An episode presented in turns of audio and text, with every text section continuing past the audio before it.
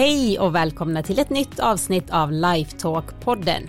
Med mig Karin Haglund, kost och hälsocoach och min man Anders Haglund, transformativ mental coach.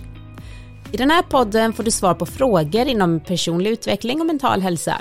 Du lever ett bättre liv helt enkelt, inifrån och ut.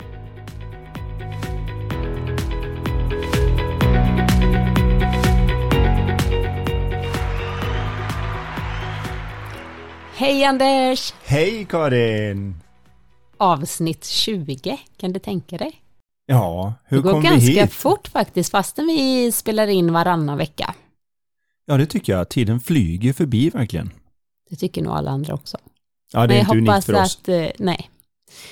Eh, Jag hoppas att alla ni som lyssnar mår riktigt bra och är redo att eh, få lite ny livskunskap om mental hälsa och mentalt välmående. Mm. Mhm, Sitter du bara? Ska vi bara denna gången? Ja, vi Strunta går rakt i- på bara, tycker jag. Vi, vi kör Ja, vi rakt kör på rakt frågorna den här Det gången. brukar ju lätt eh, bli att vi svävar ut. Då läser jag den första frågan.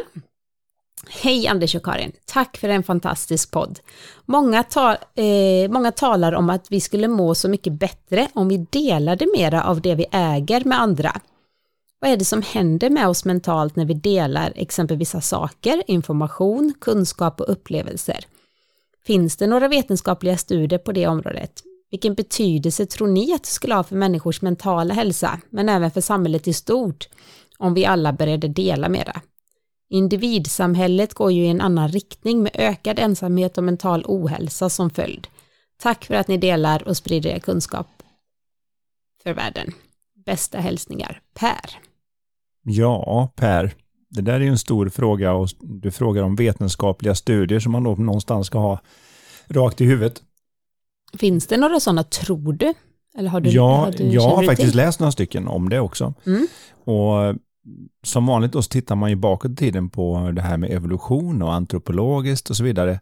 Att vi har utvecklats på det sättet att vi får en stark känsla av att vi har gjort något bra om vi delar därför att dela har varit en fördel rent evolutionärt, alltså för att överleva. Vi människor är ju ganska klena på egen hand. Det är inte mycket vi klarar helt själva, men vi några stycken så En del tror det. Ja, en del kanske tror det, men vi, vi är ganska små och eh, det är ganska få saker här på planeten som vi kan ta oss an helt ensamma. Men så fort vi är en av stycken så är det bara att titta på hur våra städer ser ut och pyramider och hur vi skapar stora idéer och foundations och annat som hjälper till på olika sätt och så. Så att vi kan göra storartade saker när vi går tillsammans. Och det antar man då i de vetenskapliga studier jag har läst om det här att det har varit en sån evolutionär fördel att kommunicera, dela med sig och annat. Och det gör också att vi har en enorm driv i systemet att om vi har blivit delade med, att få dela tillbaka. Mm. Så att det känner vi nog alla, att eh, vi har den där känslan av att jag skulle gärna vilja ge någonting tillbaka om jag får någonting. Jag tror vi pratade lite grann tidigare i podden om det här med att eh, det här utnyttjar till exempel Hare Krishna och stoppa en bok i handen på dig, gav dig en blomma och sen frågade, det här är helt gratis men skulle du kunna tänka dig att ge ett bidrag? Och då betalar ju folk liksom en 50-lapp eller fem dollar eller vad de nu befann sig i världen. Och sen visste de dessutom att de allra flesta som kommer till första papperskorgen slänger det för det känns smutsigt nästan. Att man har då illvilligt utnyttjat det här drivet i människan Just att om det. du fick någonting gratis så vill jag ge tillbaka. Och nu har, Mm. jag, har du påtvingat mig en bok jag inte ens vill ha och en blomma jag inte ens vill ha. Och sen så begär du Då något tillbaka lite, av mig. känner man sig lite lurad. Ja, då känner man sig väldigt det. lurad. Och det visste de, så då gick de, plockade upp blomman och boken i nästa papperskorg och gjorde det igen. Nej men gud. Det här ser man ju nu inte då eh, så mycket, men det här har till exempel en författare som heter Robert Cialdini, som då forskade specifikt på de här sakerna och skrev en bok som hette Pers The Art of Persuasion, tror jag den hette. Där han undrade just över det här drivet vi har, att man kan då bli solovårad genom att någon då verkar ge en små saker och sen begär de stora tillbaka och du kan inte säga nej. Och att man tycker att normalt vanliga smarta människor borde inte gå på det här och så sitter de ändå där och säger att det känns så skamset för jag gick på det. Mm. Och Det är ju då ett felaktigt utnyttjande av det här som inte bidrar till mental hälsa eller något, men det visar att det finns en stark drift i våran själ. Och att när man är ute med kompisar och annat och det är någon som bjuder på en öl, så har du ett driv att det är nog jag som ska bjuda tillbaka nästa gång. Och går det för många gånger emellan och det är någon som inte ställer upp, då blir den nästan utstött ur gänget till slut. Man tycker att, äh, du är aldrig med och bidrar. Så det här är någonting som definitivt sitter där inne. Nu är jag inte så säker på att man bara kan skifta det här och säga att om vi bara delar med oss mer skulle vi också vara mentalt friskare.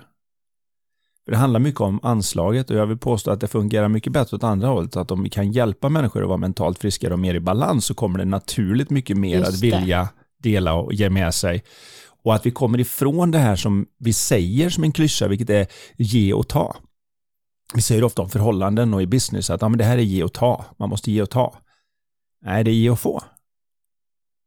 Man ger och så får man tillbaka, man ska inte behöva ta tillbaka. Så vi säger lite fel där rent semantiskt tycker jag då, att det borde mm. vara en ge och få.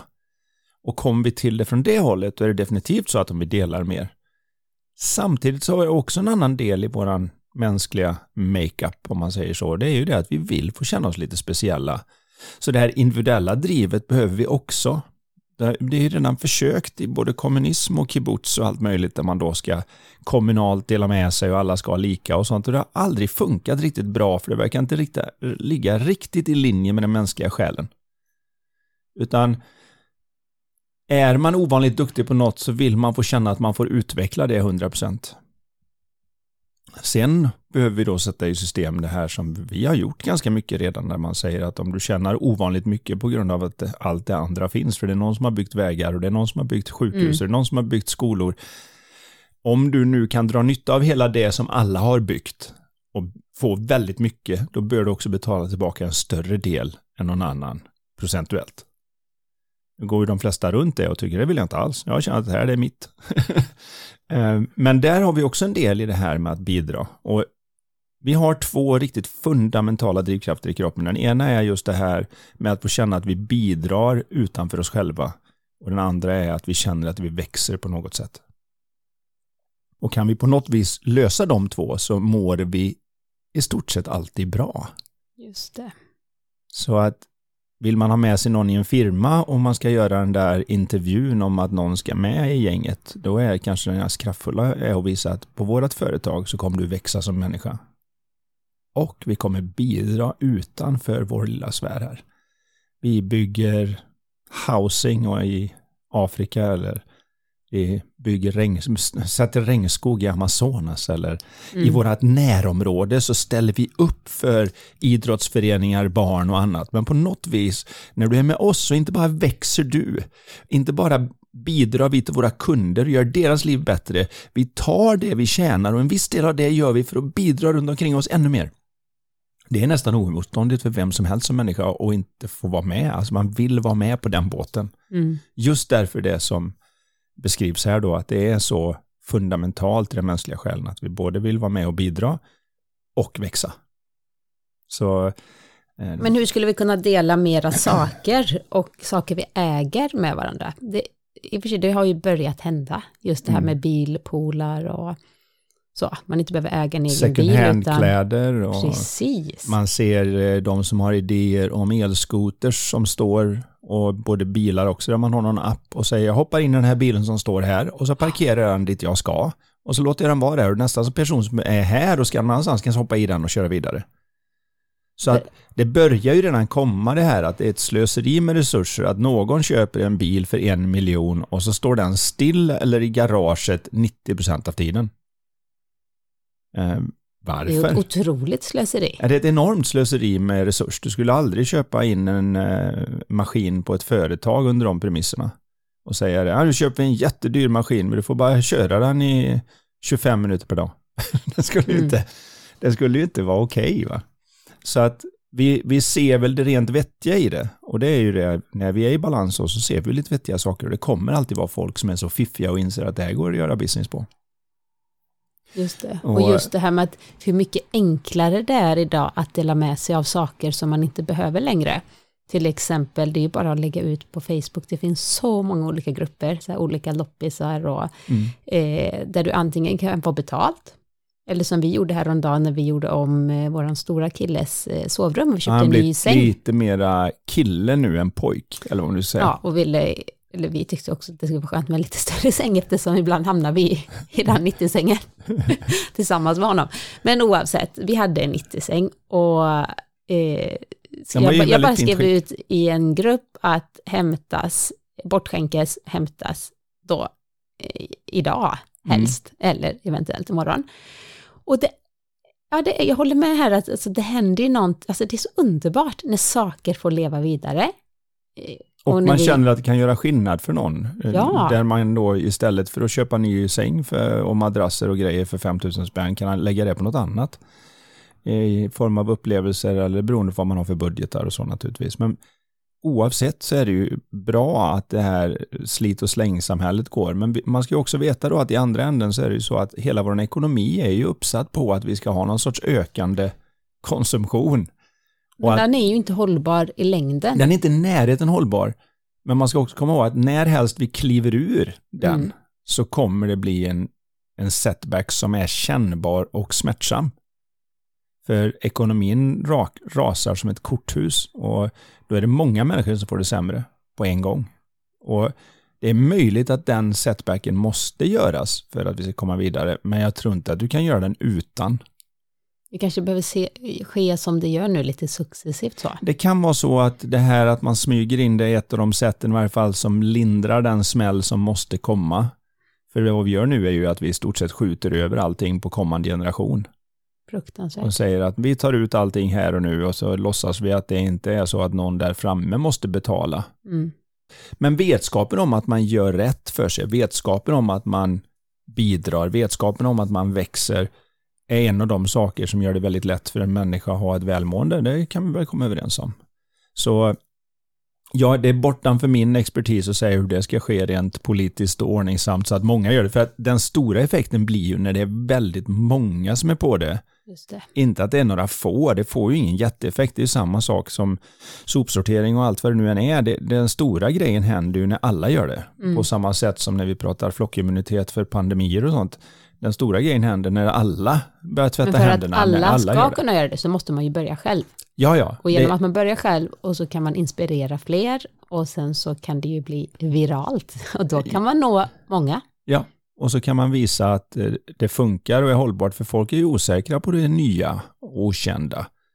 Kan vi verkligen byta till en elbil? Hur jobbigt var det? Eller kan vi verkligen sätta solpaneler på taket? Eller går det att ta allt våra gamla grejer och lägga ut det och det får nytt liv? Och allt sånt där är ju både jag menar, det är många som har lite skam ihop med den också, tycker att det är lite jobbigt att någon ska komma och hämta ens grejer eller vad det nu än är. Det, det är mycket som vi människor måste lägga upp på bordet om att så fungerar vi faktiskt istället för att antyda hur vi borde vara så måste vi titta Men- mer på hur vi faktiskt är om vi ska få till det här för att det går inte bara att säga, ja men det ändrar vi så, ja men det, det är massa människor som tycker det är jättejobbigt att ens att någon kommer hem till en. Mm. hur ska de göra det här? Ehm, hur, hur ska vi utbilda människor? Hur, hur ska man komma ifrån att det finns en hel del som tycker det är lite skämmigt att komma och hämta gamla grejer än så länge, för det kanske antyder att jag har inte fått till det ekonomiska eller eh, man vill förklara. Så man tycker. Men det, jag tycker i och för sig ändå att det har ändrat sig lite, att det är lite, faktiskt till och med lite inne, eller så lite hippt att köpa Ja, ja, ja. second hand. Eh, återbruk med möbler och så vidare och måla upp och liksom. Mm. Det, så Ja. det håller också på att ändras skulle jag ja, säga. pö om pö så kommer vi ju dit, men jag säger att vi, vi behöver lägga upp de delarna på bordet Mm. och visa att det här gör vi kollektivt tillsammans, inte som en del gör som gör det lite för att posera att de är medvetna, Nej, precis. utan för att vi faktiskt måste få till det här och vi måste vara dubbelfiffiga om vi ska klara av eh, det här. Vi ska inte rädda planeten, planeten är fine som den är, den kommer den, den bryr sig inte om plast. Vi, vi beter oss som att "Äh, vi förstör planeten med våran plast. Nej, planeten den väntar i en miljon år och så skakar den till och säger tack för att du gav tillbaka plasten jag gav dig. Men vi människor och djurlivet och hela den här kedjan av livet, den fixar inte plasten.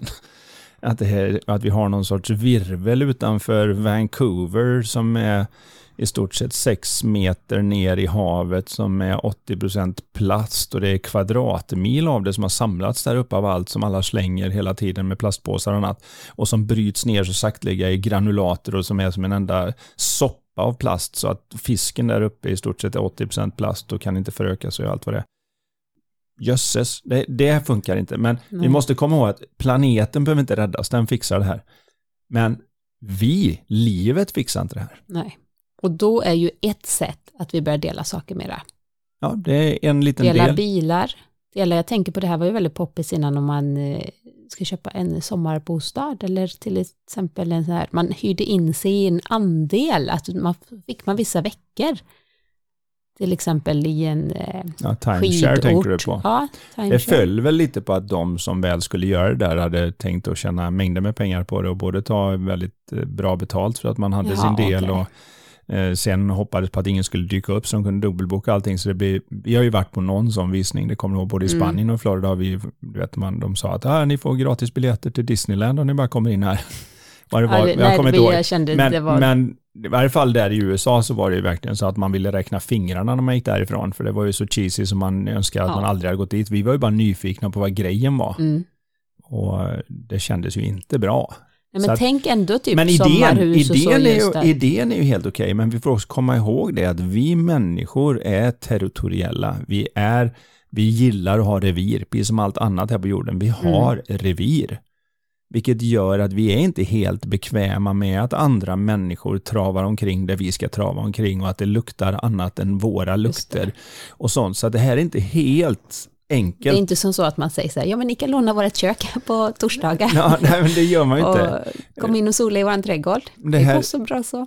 Kom ihåg, nej, en människa sant. behöver enligt de flesta studier ungefär 6 kvadratkilometer revir per person. Det är en del.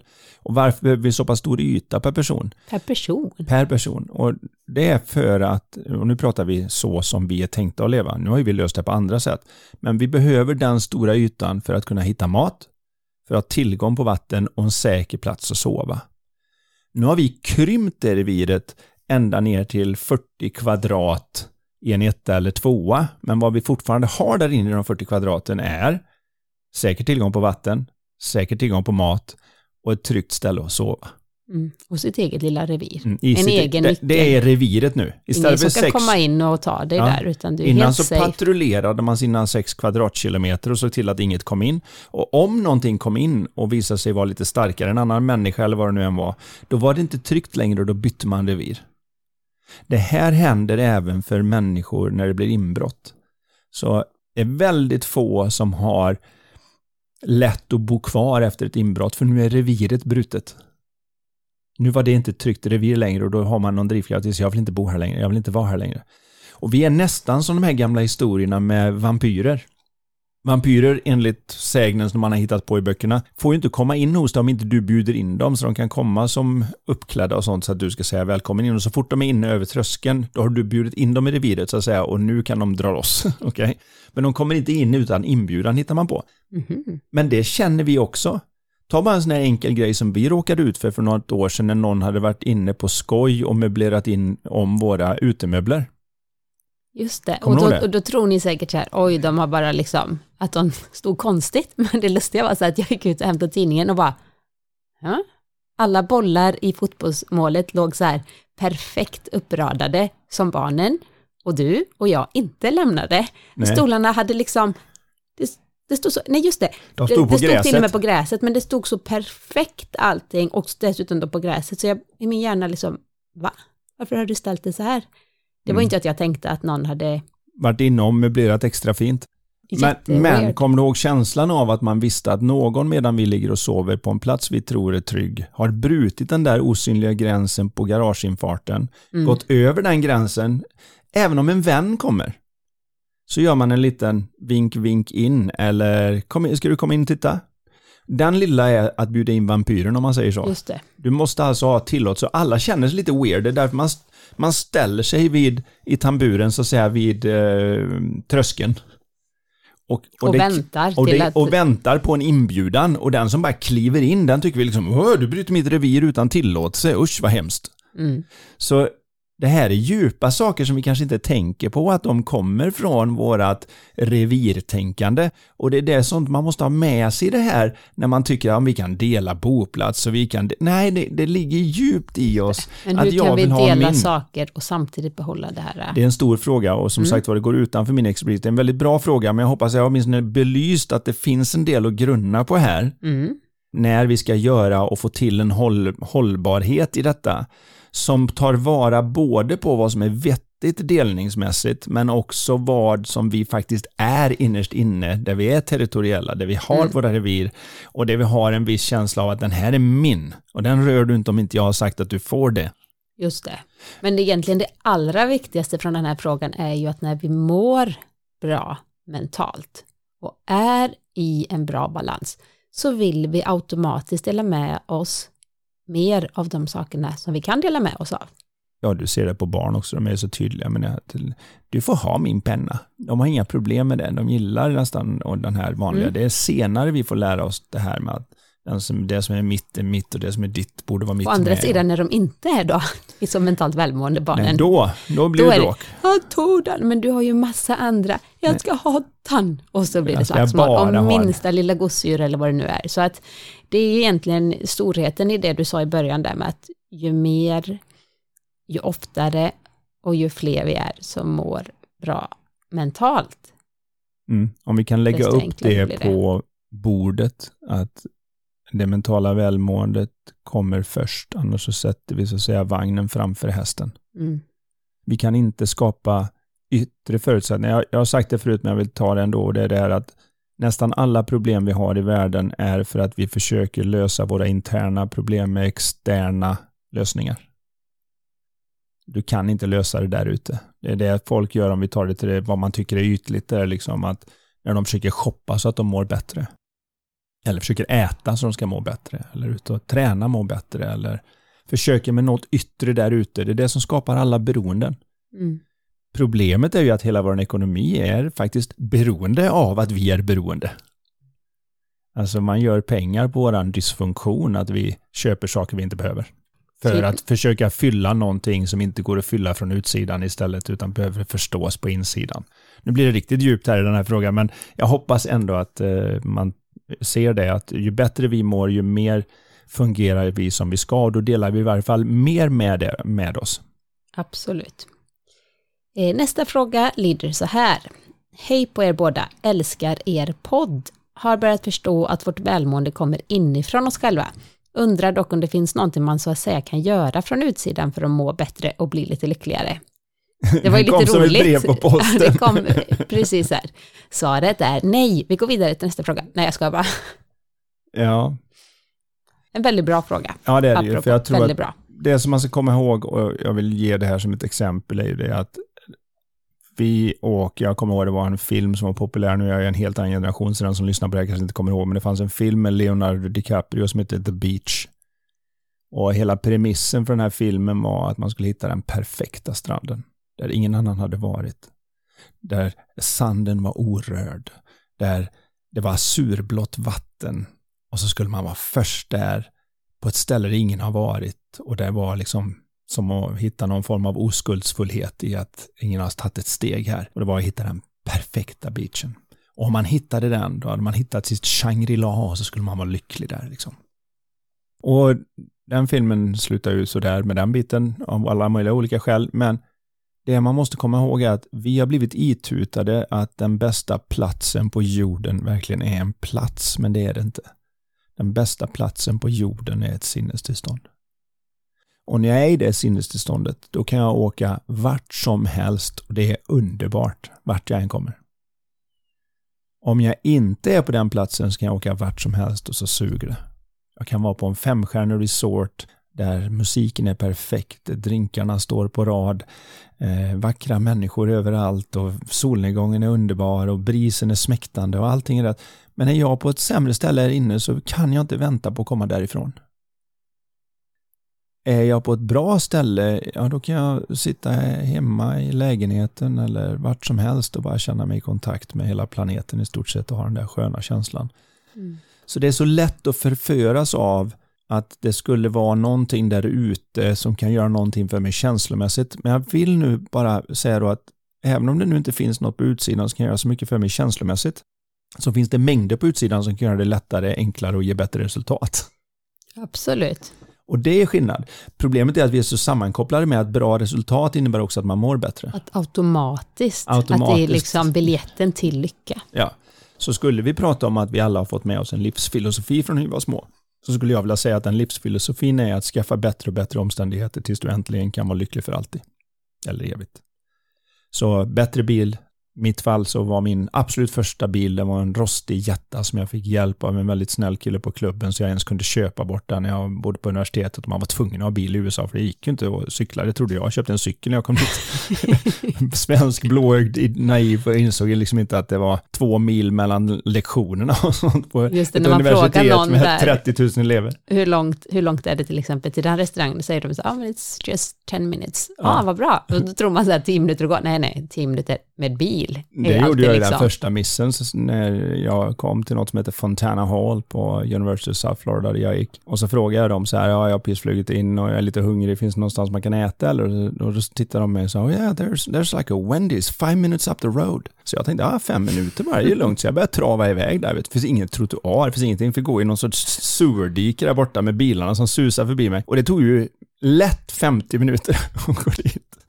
Och så gick jag dit och så åt jag min burgare på Wendys och så gick jag 50 minuter tillbaka och så undrade de var har du varit någonstans? Ni ljög ju era jäklar, det var inte alls fem minuter dit, det tog ju liksom två timmar att gå fram och tillbaka och äta. De bara tittade och you walked. Har du ingen bil? har du ingen bil? Och det var då du...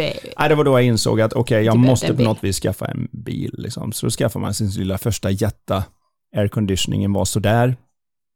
Och sen så på vägen är det ungefär när man får lite bättre ekonomi, och man börjar tjäna lite pengar, så skaffar man en bättre bil och sen bättre bil och till slut så börjar man då komma till en nivå där man... Ja, och då, då är ju på något vis idén att när du köper bättre bil så ska du också bli lyckligare. Eh, Det är massa sådana här Du fräcka små kanske blir citat. bekvämare. Man kan bli Du är lite bekvämare bekvämare. för rumpan, men det är inte Ja, men det är säkert. väl ingen som, ingen som inte säger att, jag, speciellt när man fick familj, då vill man ha en bil som tar dig fram säkert, tryggt och om någonting skulle hända så vill jag att den är trafiksäker och så vidare. Och då finns det inte sådär våldsamt mycket bilar som är helt sådär så att man vet att allting funkar som det ska. Och då är det upp på en viss klass naturligtvis och om man har råd med det så klart man köper det. För, för både familj och för att det är en skönare åktur och roligare att köra och allt det. Men det gör mig inte ett dugg lyckligare. Hur mycket än Sasha Gabor eller vad det nu var som sa det, att eh, pengar gör ingen lycklig, men jag gråter hellre i baksätet på en Jaguar än i en Folka. Eh, låter coolt, men sanningen är att när du väl gråter så skulle jag vilja påstå att du till och med kan vara mer desperat i baksätet på Jaguaren för att nu har du så mycket och ändå är du ledsen så det blir som ett extra ok. Så diskussionen vi är inne på här är så viktig att se att vi behöver separera att självklart finns det en massa saker att göra på utsidan. Se till att du är... Och det ska vi göra också. ja, Det är det vi vill inspirera till att göra massa saker. Det är det för många- att göra sitt liv så att säga eh, ännu bättre. Men det behöver inte betyda att du blir eh, det minsta lyckligare av det. nej men du gör det som är vettigt så att säga. Du gör, Du följer ditt det är skillnad med att du har en annan bevekelse för det. Självklart ska man Vissa har ju gått åt andra hållet. De tänker, ah, ska jag vara spirituell då ska jag se ut som jag inte har tvättat håret på fyra veckor och bara ha ett häftskynke bara för att jag vill visa alla att jag inte behöver något. att jag är en av de där fantastiska människorna som inte är så där ytlig så jag har klivit ur hela den grejen. Men det är ju liksom löjligt åt andra hållet på något vis. Det, då har man ju gått till den nivån att man säger saker har ingen inverkan på mig så jag ska inte ha dem för de gör en olycklig. Ja, det är ju samma sak som att säga jag ska ha en massa för det gör mig lycklig. Du säger ju fortfarande att saker påverkar. Så då, man, då springer man i samma råtthjul utan att veta om att man springer i samma råtthjul Mm. det blir något annat när vi kan börja se att självklart så är det här ett inside job om jag ska må bättre. Jag behöver förstå bättre för att kunna må bättre. Och när jag mår bättre, då ser det ju vettigt ut. Jag menar, en av de saker som jag har tagit med mig alltid är ju det där det bästa sättet att hjälpa fattiga är ju inte att bli en av dem. Är du riktigt, riktigt duktig på att tjäna pengar och sånt, gör det då. Och sen använd del av dem för att hjälpa de som inte är riktigt lika duktiga på det så de kan, Eller ha- dela din kunskap så de kan ha ett bättre liv. inspirera fler. Ja. Ja, så de här yttre sakerna kan hjälpa till så mycket med allt möjligt. Så att jag, har du liksom den senaste datorn och du ska redigera en film så går det på halva tiden jämfört med att ha en gammal dator. Okej, Okay? Så det är ju skillnad. Men du är inte, det är inte som att du sitter där och är superlycklig för när du fick den andra dagen sitter du där och grym. Men är det inte också så här att när vissa så är lyckliga oavsett mm. omständigheter, i den stunden eller det sinnestillståndet, för vi alla är ju där, mer eller mindre. Ja. Eh, lära sig att känna igen när man är där. Men då vet man ju också vad man gillar. Det är liksom både personlighet och så vidare. Jag tänker, det finns ju två killar i vår närhet som jag tänker på, två vänner till oss, som verkligen så här, de älskar bilar. Mm. Alltså det är inte så här, åh jag ska ha en fin bil för att imponera eller för att bli lycklig eller någonting. Nej, det, bara, det glittrar i ögonen när de pratar bilar och säger så här, jag vet mm. en av dem bara, vill du åka med Karin liksom, den går så fort, jag bara, nej, jag, jag vill inte åka med. Jag gillar inte när, det, när du kör jättefort, jag gillar det verkligen inte, jag, jag vill inte ens åka med. För mig, det är inte vad jag skulle lägga nej. pengar på. Så förstår du vad jag menar? Att det blir så tydligt då att, så det är väl en jättebra, har man möjlighet att investera i det som man faktiskt gillar, så bidrar det ju till liksom, det är fantastiskt.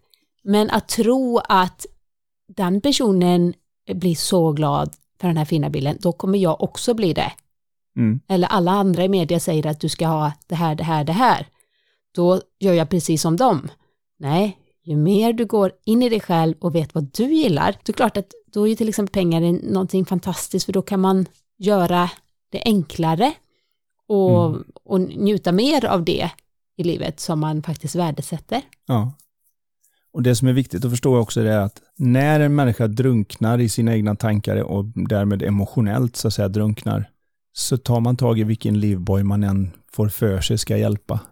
Just det. Så när jag är desperat nog så kan du sälja dig själv på vad som helst. Jag kommer ihåg eh, en av de bästa låtar jag vet är ju Robbie Williams Angels. Och han pratar om det här, i, i texten så pratar han om att han har an empty space inside and it's a real big place. Alltså med andra ord, det spelar ingen roll vad jag gör så kan jag inte fylla det. Mm. Och skälet att du aldrig kan fylla det där hålet, som en del pratar om, är ju att ett imaginärt hål är ju skapat av din fantasi och är därmed obegränsat. Så du, den, den slukar både en Ferrari, en privatjakt och ett privatplan och idealpartnern och de perfekta resorna. Och du har inte ens börjat, det märks inte ens att du har börjat fylla hålet. Tills man en dag vaknar upp och bara, ah, det fanns inget hål ens Nej, från början. Det är bara imaginärt det, det inte hålet. Ens fyllas. Det är det som är grejen att se att du funkar som du är. Du är inte trasig och därmed behöver du inte fixa och laga. Det är lite som när man säger, jag, har fått höra det några gånger under min coachingtid, liksom, ah, jag vill bara prova det här för att jag är en sökare. Och då vet man det för att den som söker är diskvalificerad på ett sätt från att hitta, för det de letar efter är inte det de letar. De letar på utsidan. Hitta den rätta gurun, hitta den rätta boken, hitta den rätta kursen, hitta den rätta prylen, hitta den rätta platsen. De letar överallt utom där inne där du kan hitta det. Så det är bättre att vara en finnare än en sökare. Det låter lite roligt. Ja, men det låter lite... du menar själva finnare-grejen? Ja. ja, det är klart att det låter lite märkligt i sig. Och det är Okej, inte men jag ska ändra. Jag är en finnare. Jag hittar saker här på insidan där de är. Nej, men jag, jag har sagt det lite, du kommer ihåg vi bytte... Kan man inte säga hittare istället? Jo, man kan, jag hit, hittare låter bättre än finnare. Ja. Ja. Det var mera från sök och du ska finna, ja, som folk säger, så blir det finnare. Men eh, vi kan vara hittare lika väl. Jag tycker det är lite spännande med att, säg till exempel vi byter ju panel på stugan och så står man och spikar en massa och målar en massa och fixar och donar för att det här ska hända. Och så kommer jag ihåg att jag tappade ner någon spik som jag behövde. Och eftersom jag står uppe på en stege så tittar jag inte ner först, jag hör bara att det säger klink i, i någon liten sten. Och så går jag ner och så letar jag och letar och letar och letar. Kan inte hitta den, hur mycket jag än letar. Och så tänker jag, okej, okay, jag får ge upp den och så börjar jag spika istället. Så tar det en liten stund så kommer Colin och säger, titta pappa, hittar stor spik. Eh, och då var den ju, då hade den studsat så att den var längre bort än jag trodde. Nu kan man undra varför berättar jag den här historien? Jo, för det är så jättesvårt att hitta saker där de inte är. Mm.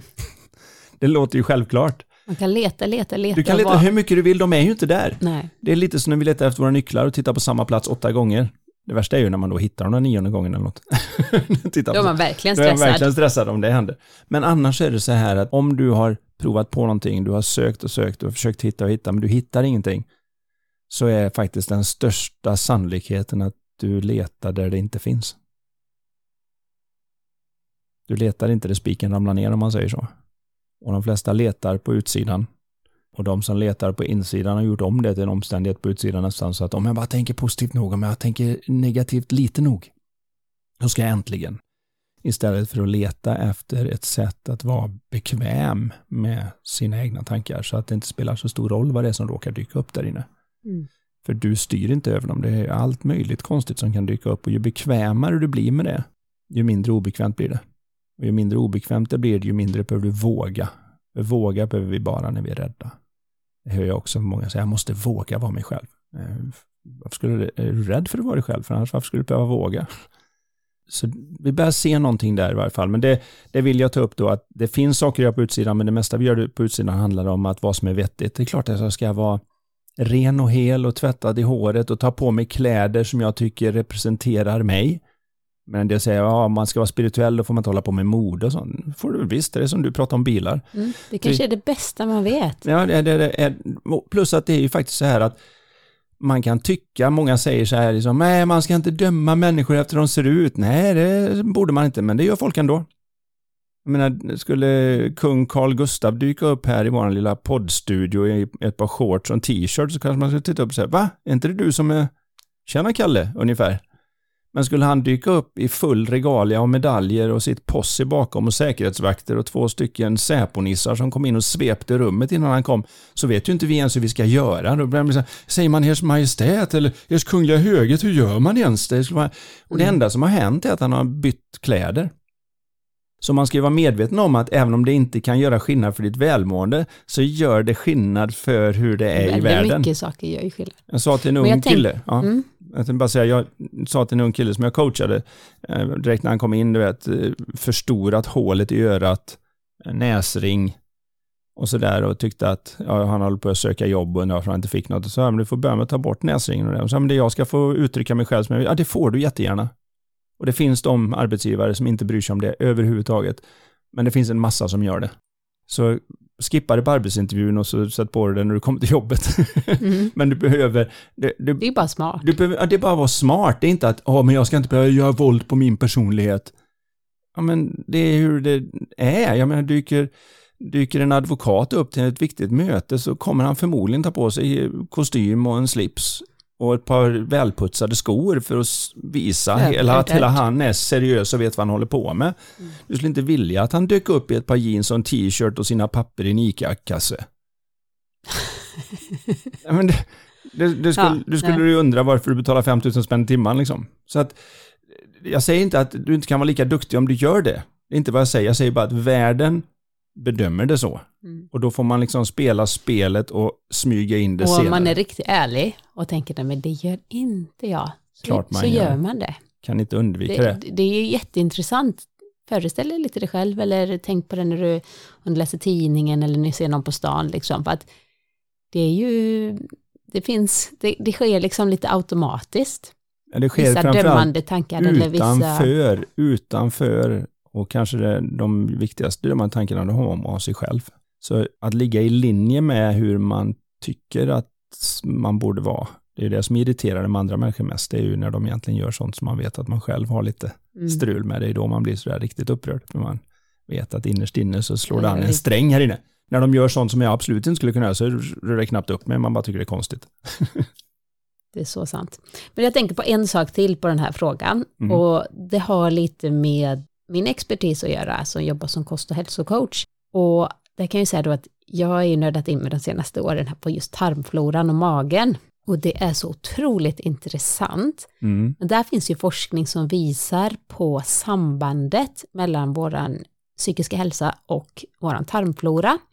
Så det blir en lite mer sån där praktisk sak. Ja, att genom definitivt. att faktiskt förbättra alltså sambandet mellan alltså depression och en sämre tarmflora och för vi har liksom ät, börjat äta saker de senaste ja, 50 åren framför allt, som så att säga dödar mycket av våra goda bakterier och eh, socker och så vidare gör det mycket av de sämre bakterierna och vi får en annan tarmflora helt enkelt, som Mm. tyvärr då inte gynnar heller vår psykiska hälsa. Så det, det är svårt att säga vad, vad är det liksom hönan och ägget, men att det finns ett samband med depression och så vidare. Så en sak man faktiskt kan göra Mm. för att så att säga, skapa en bra förutsättning för att bli sitt bästa jag, det är ju att se till att jobba med sin tarmflora och förbättra den helt enkelt genom att äta mer fibrer, mer växtbaserad kost och ta bort mycket av socker och så vidare så att man, eh, det finns jättemycket att göra där.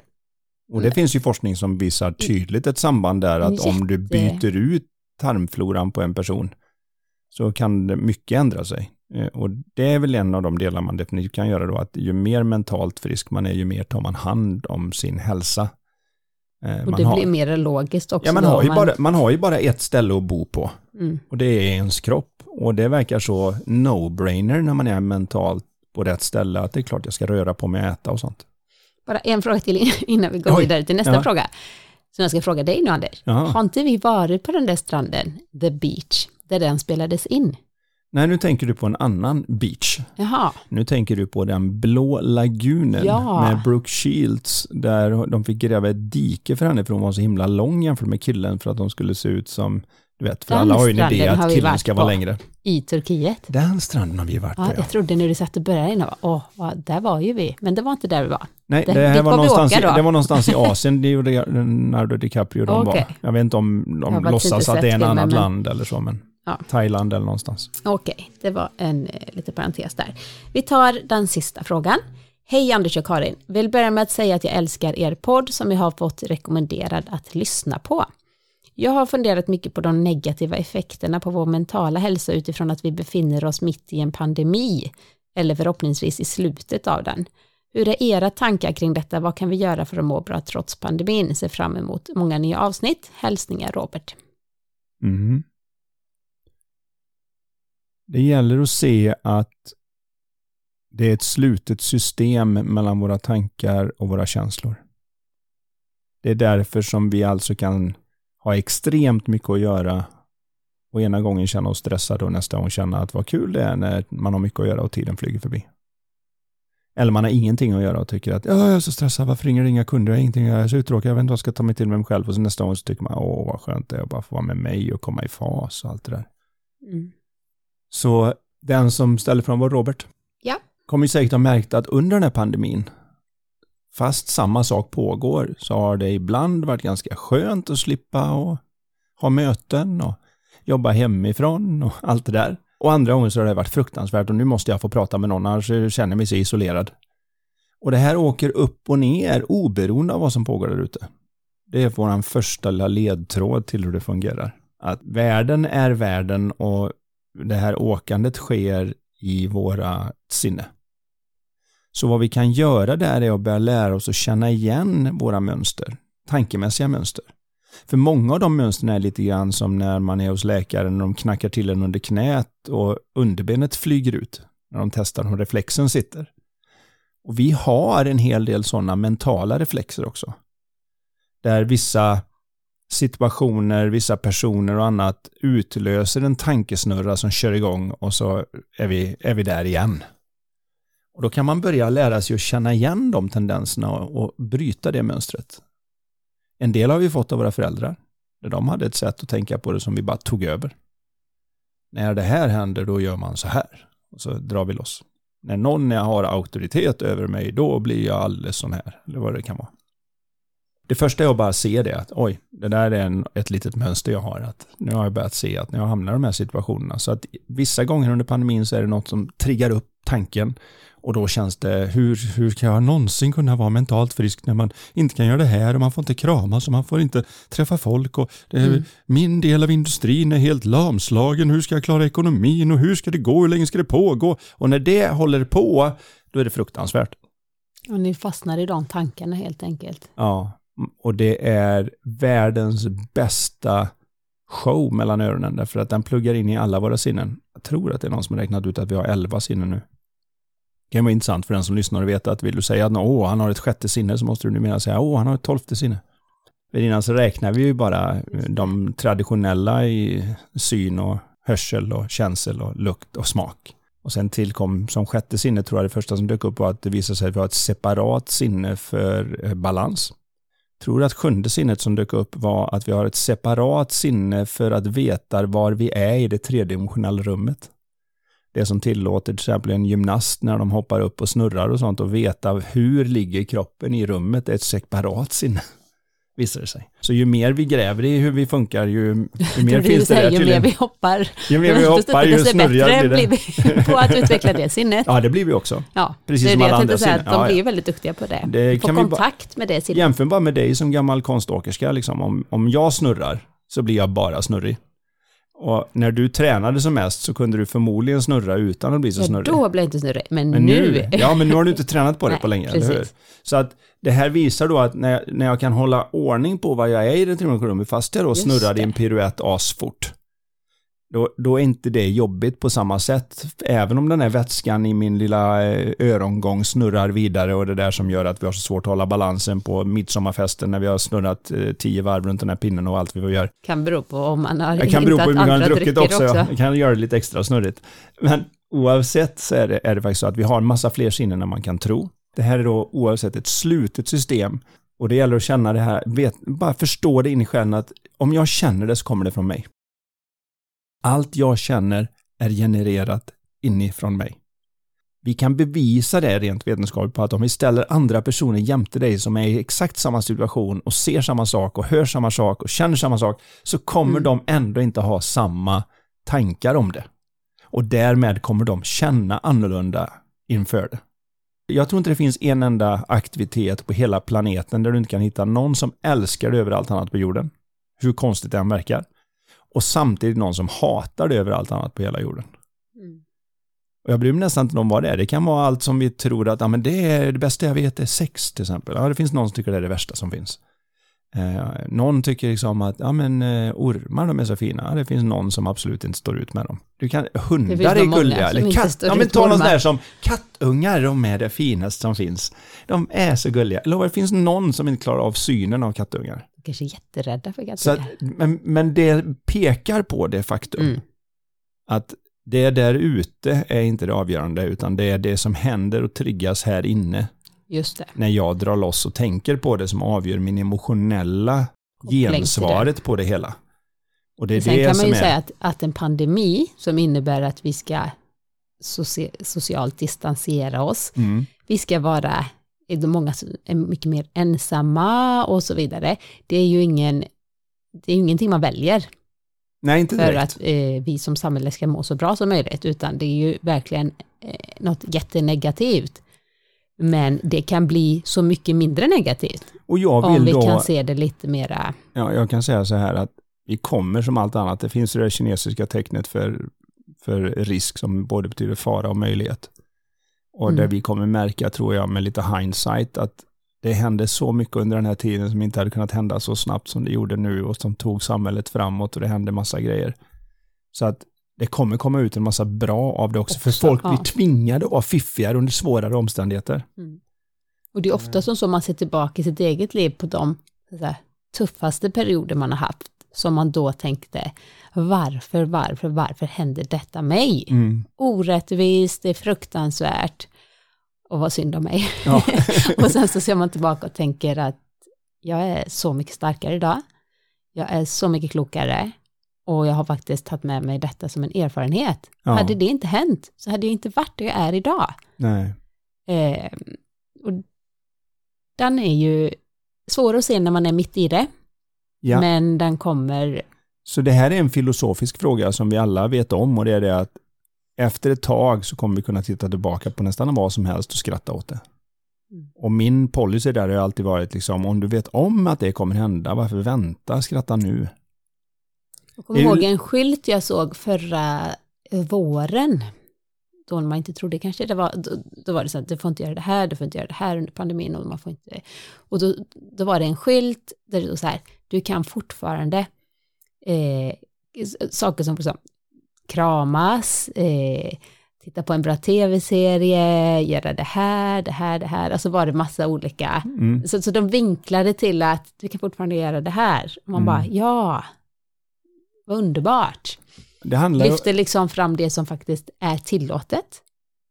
Ja, man kan connecta på andra sätt. Det är inte så, så att vi inte kan connecta med varandra, att vi inte kan vara sociala alls. Vi kan vara sociala på nya sätt. En av hemligheterna till det här med att se att man har en obegränsad tankevärld som man kan använda för sånt här, det är ju att se det att jag har fått förmågan att när som helst knacka mig på axeln och vakna upp till en ny värld. Och ha möjlighet att, så att säga, inte låta det jag inte kan göra stoppa mig från att göra det jag faktiskt kan göra. Den kan dyka upp som en, bara en liten tankegrej, att det som plötsligt verkar som att nej, det går inte för jag kan inte det, jag kan inte det, jag kan inte det, jag kan inte det, jag kan inte det, jag kan inte det, kan vända till att vänta nu, det behöver inte stoppa mig från att göra det jag faktiskt kan göra. Och det jag faktiskt kan göra är de här sakerna. Många blir så lamslagna att de inte ens gör det de kan. För att det är så mycket de inte kan. Mm.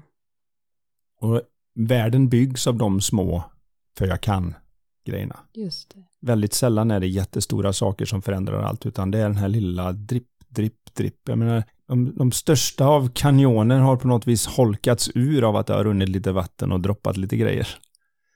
Man tittar på stalaktiter och stalagmiter. Dripp, dropp, dripp, dropp, dripp, dropp och så till slut så är det något mäktigt där. Och det är ju samma sak. Man, klyschor har blivit klyschor för att de är sanna oftast. En och annan är bara löjlig, men en hel del klyschor är ju, har ju hängt med just därför att de uttrycker någonting som vi alla vet är en sanning. Mm. Ett steg i taget kom, kompletterar den längsta av resor, till exempel, eller sådär. Det är ju för att det är sant. Ta första steget, när du tagit det steget tar du nästa steg och så tar du nästa steg, så tar du nästa steg, sen är du framme.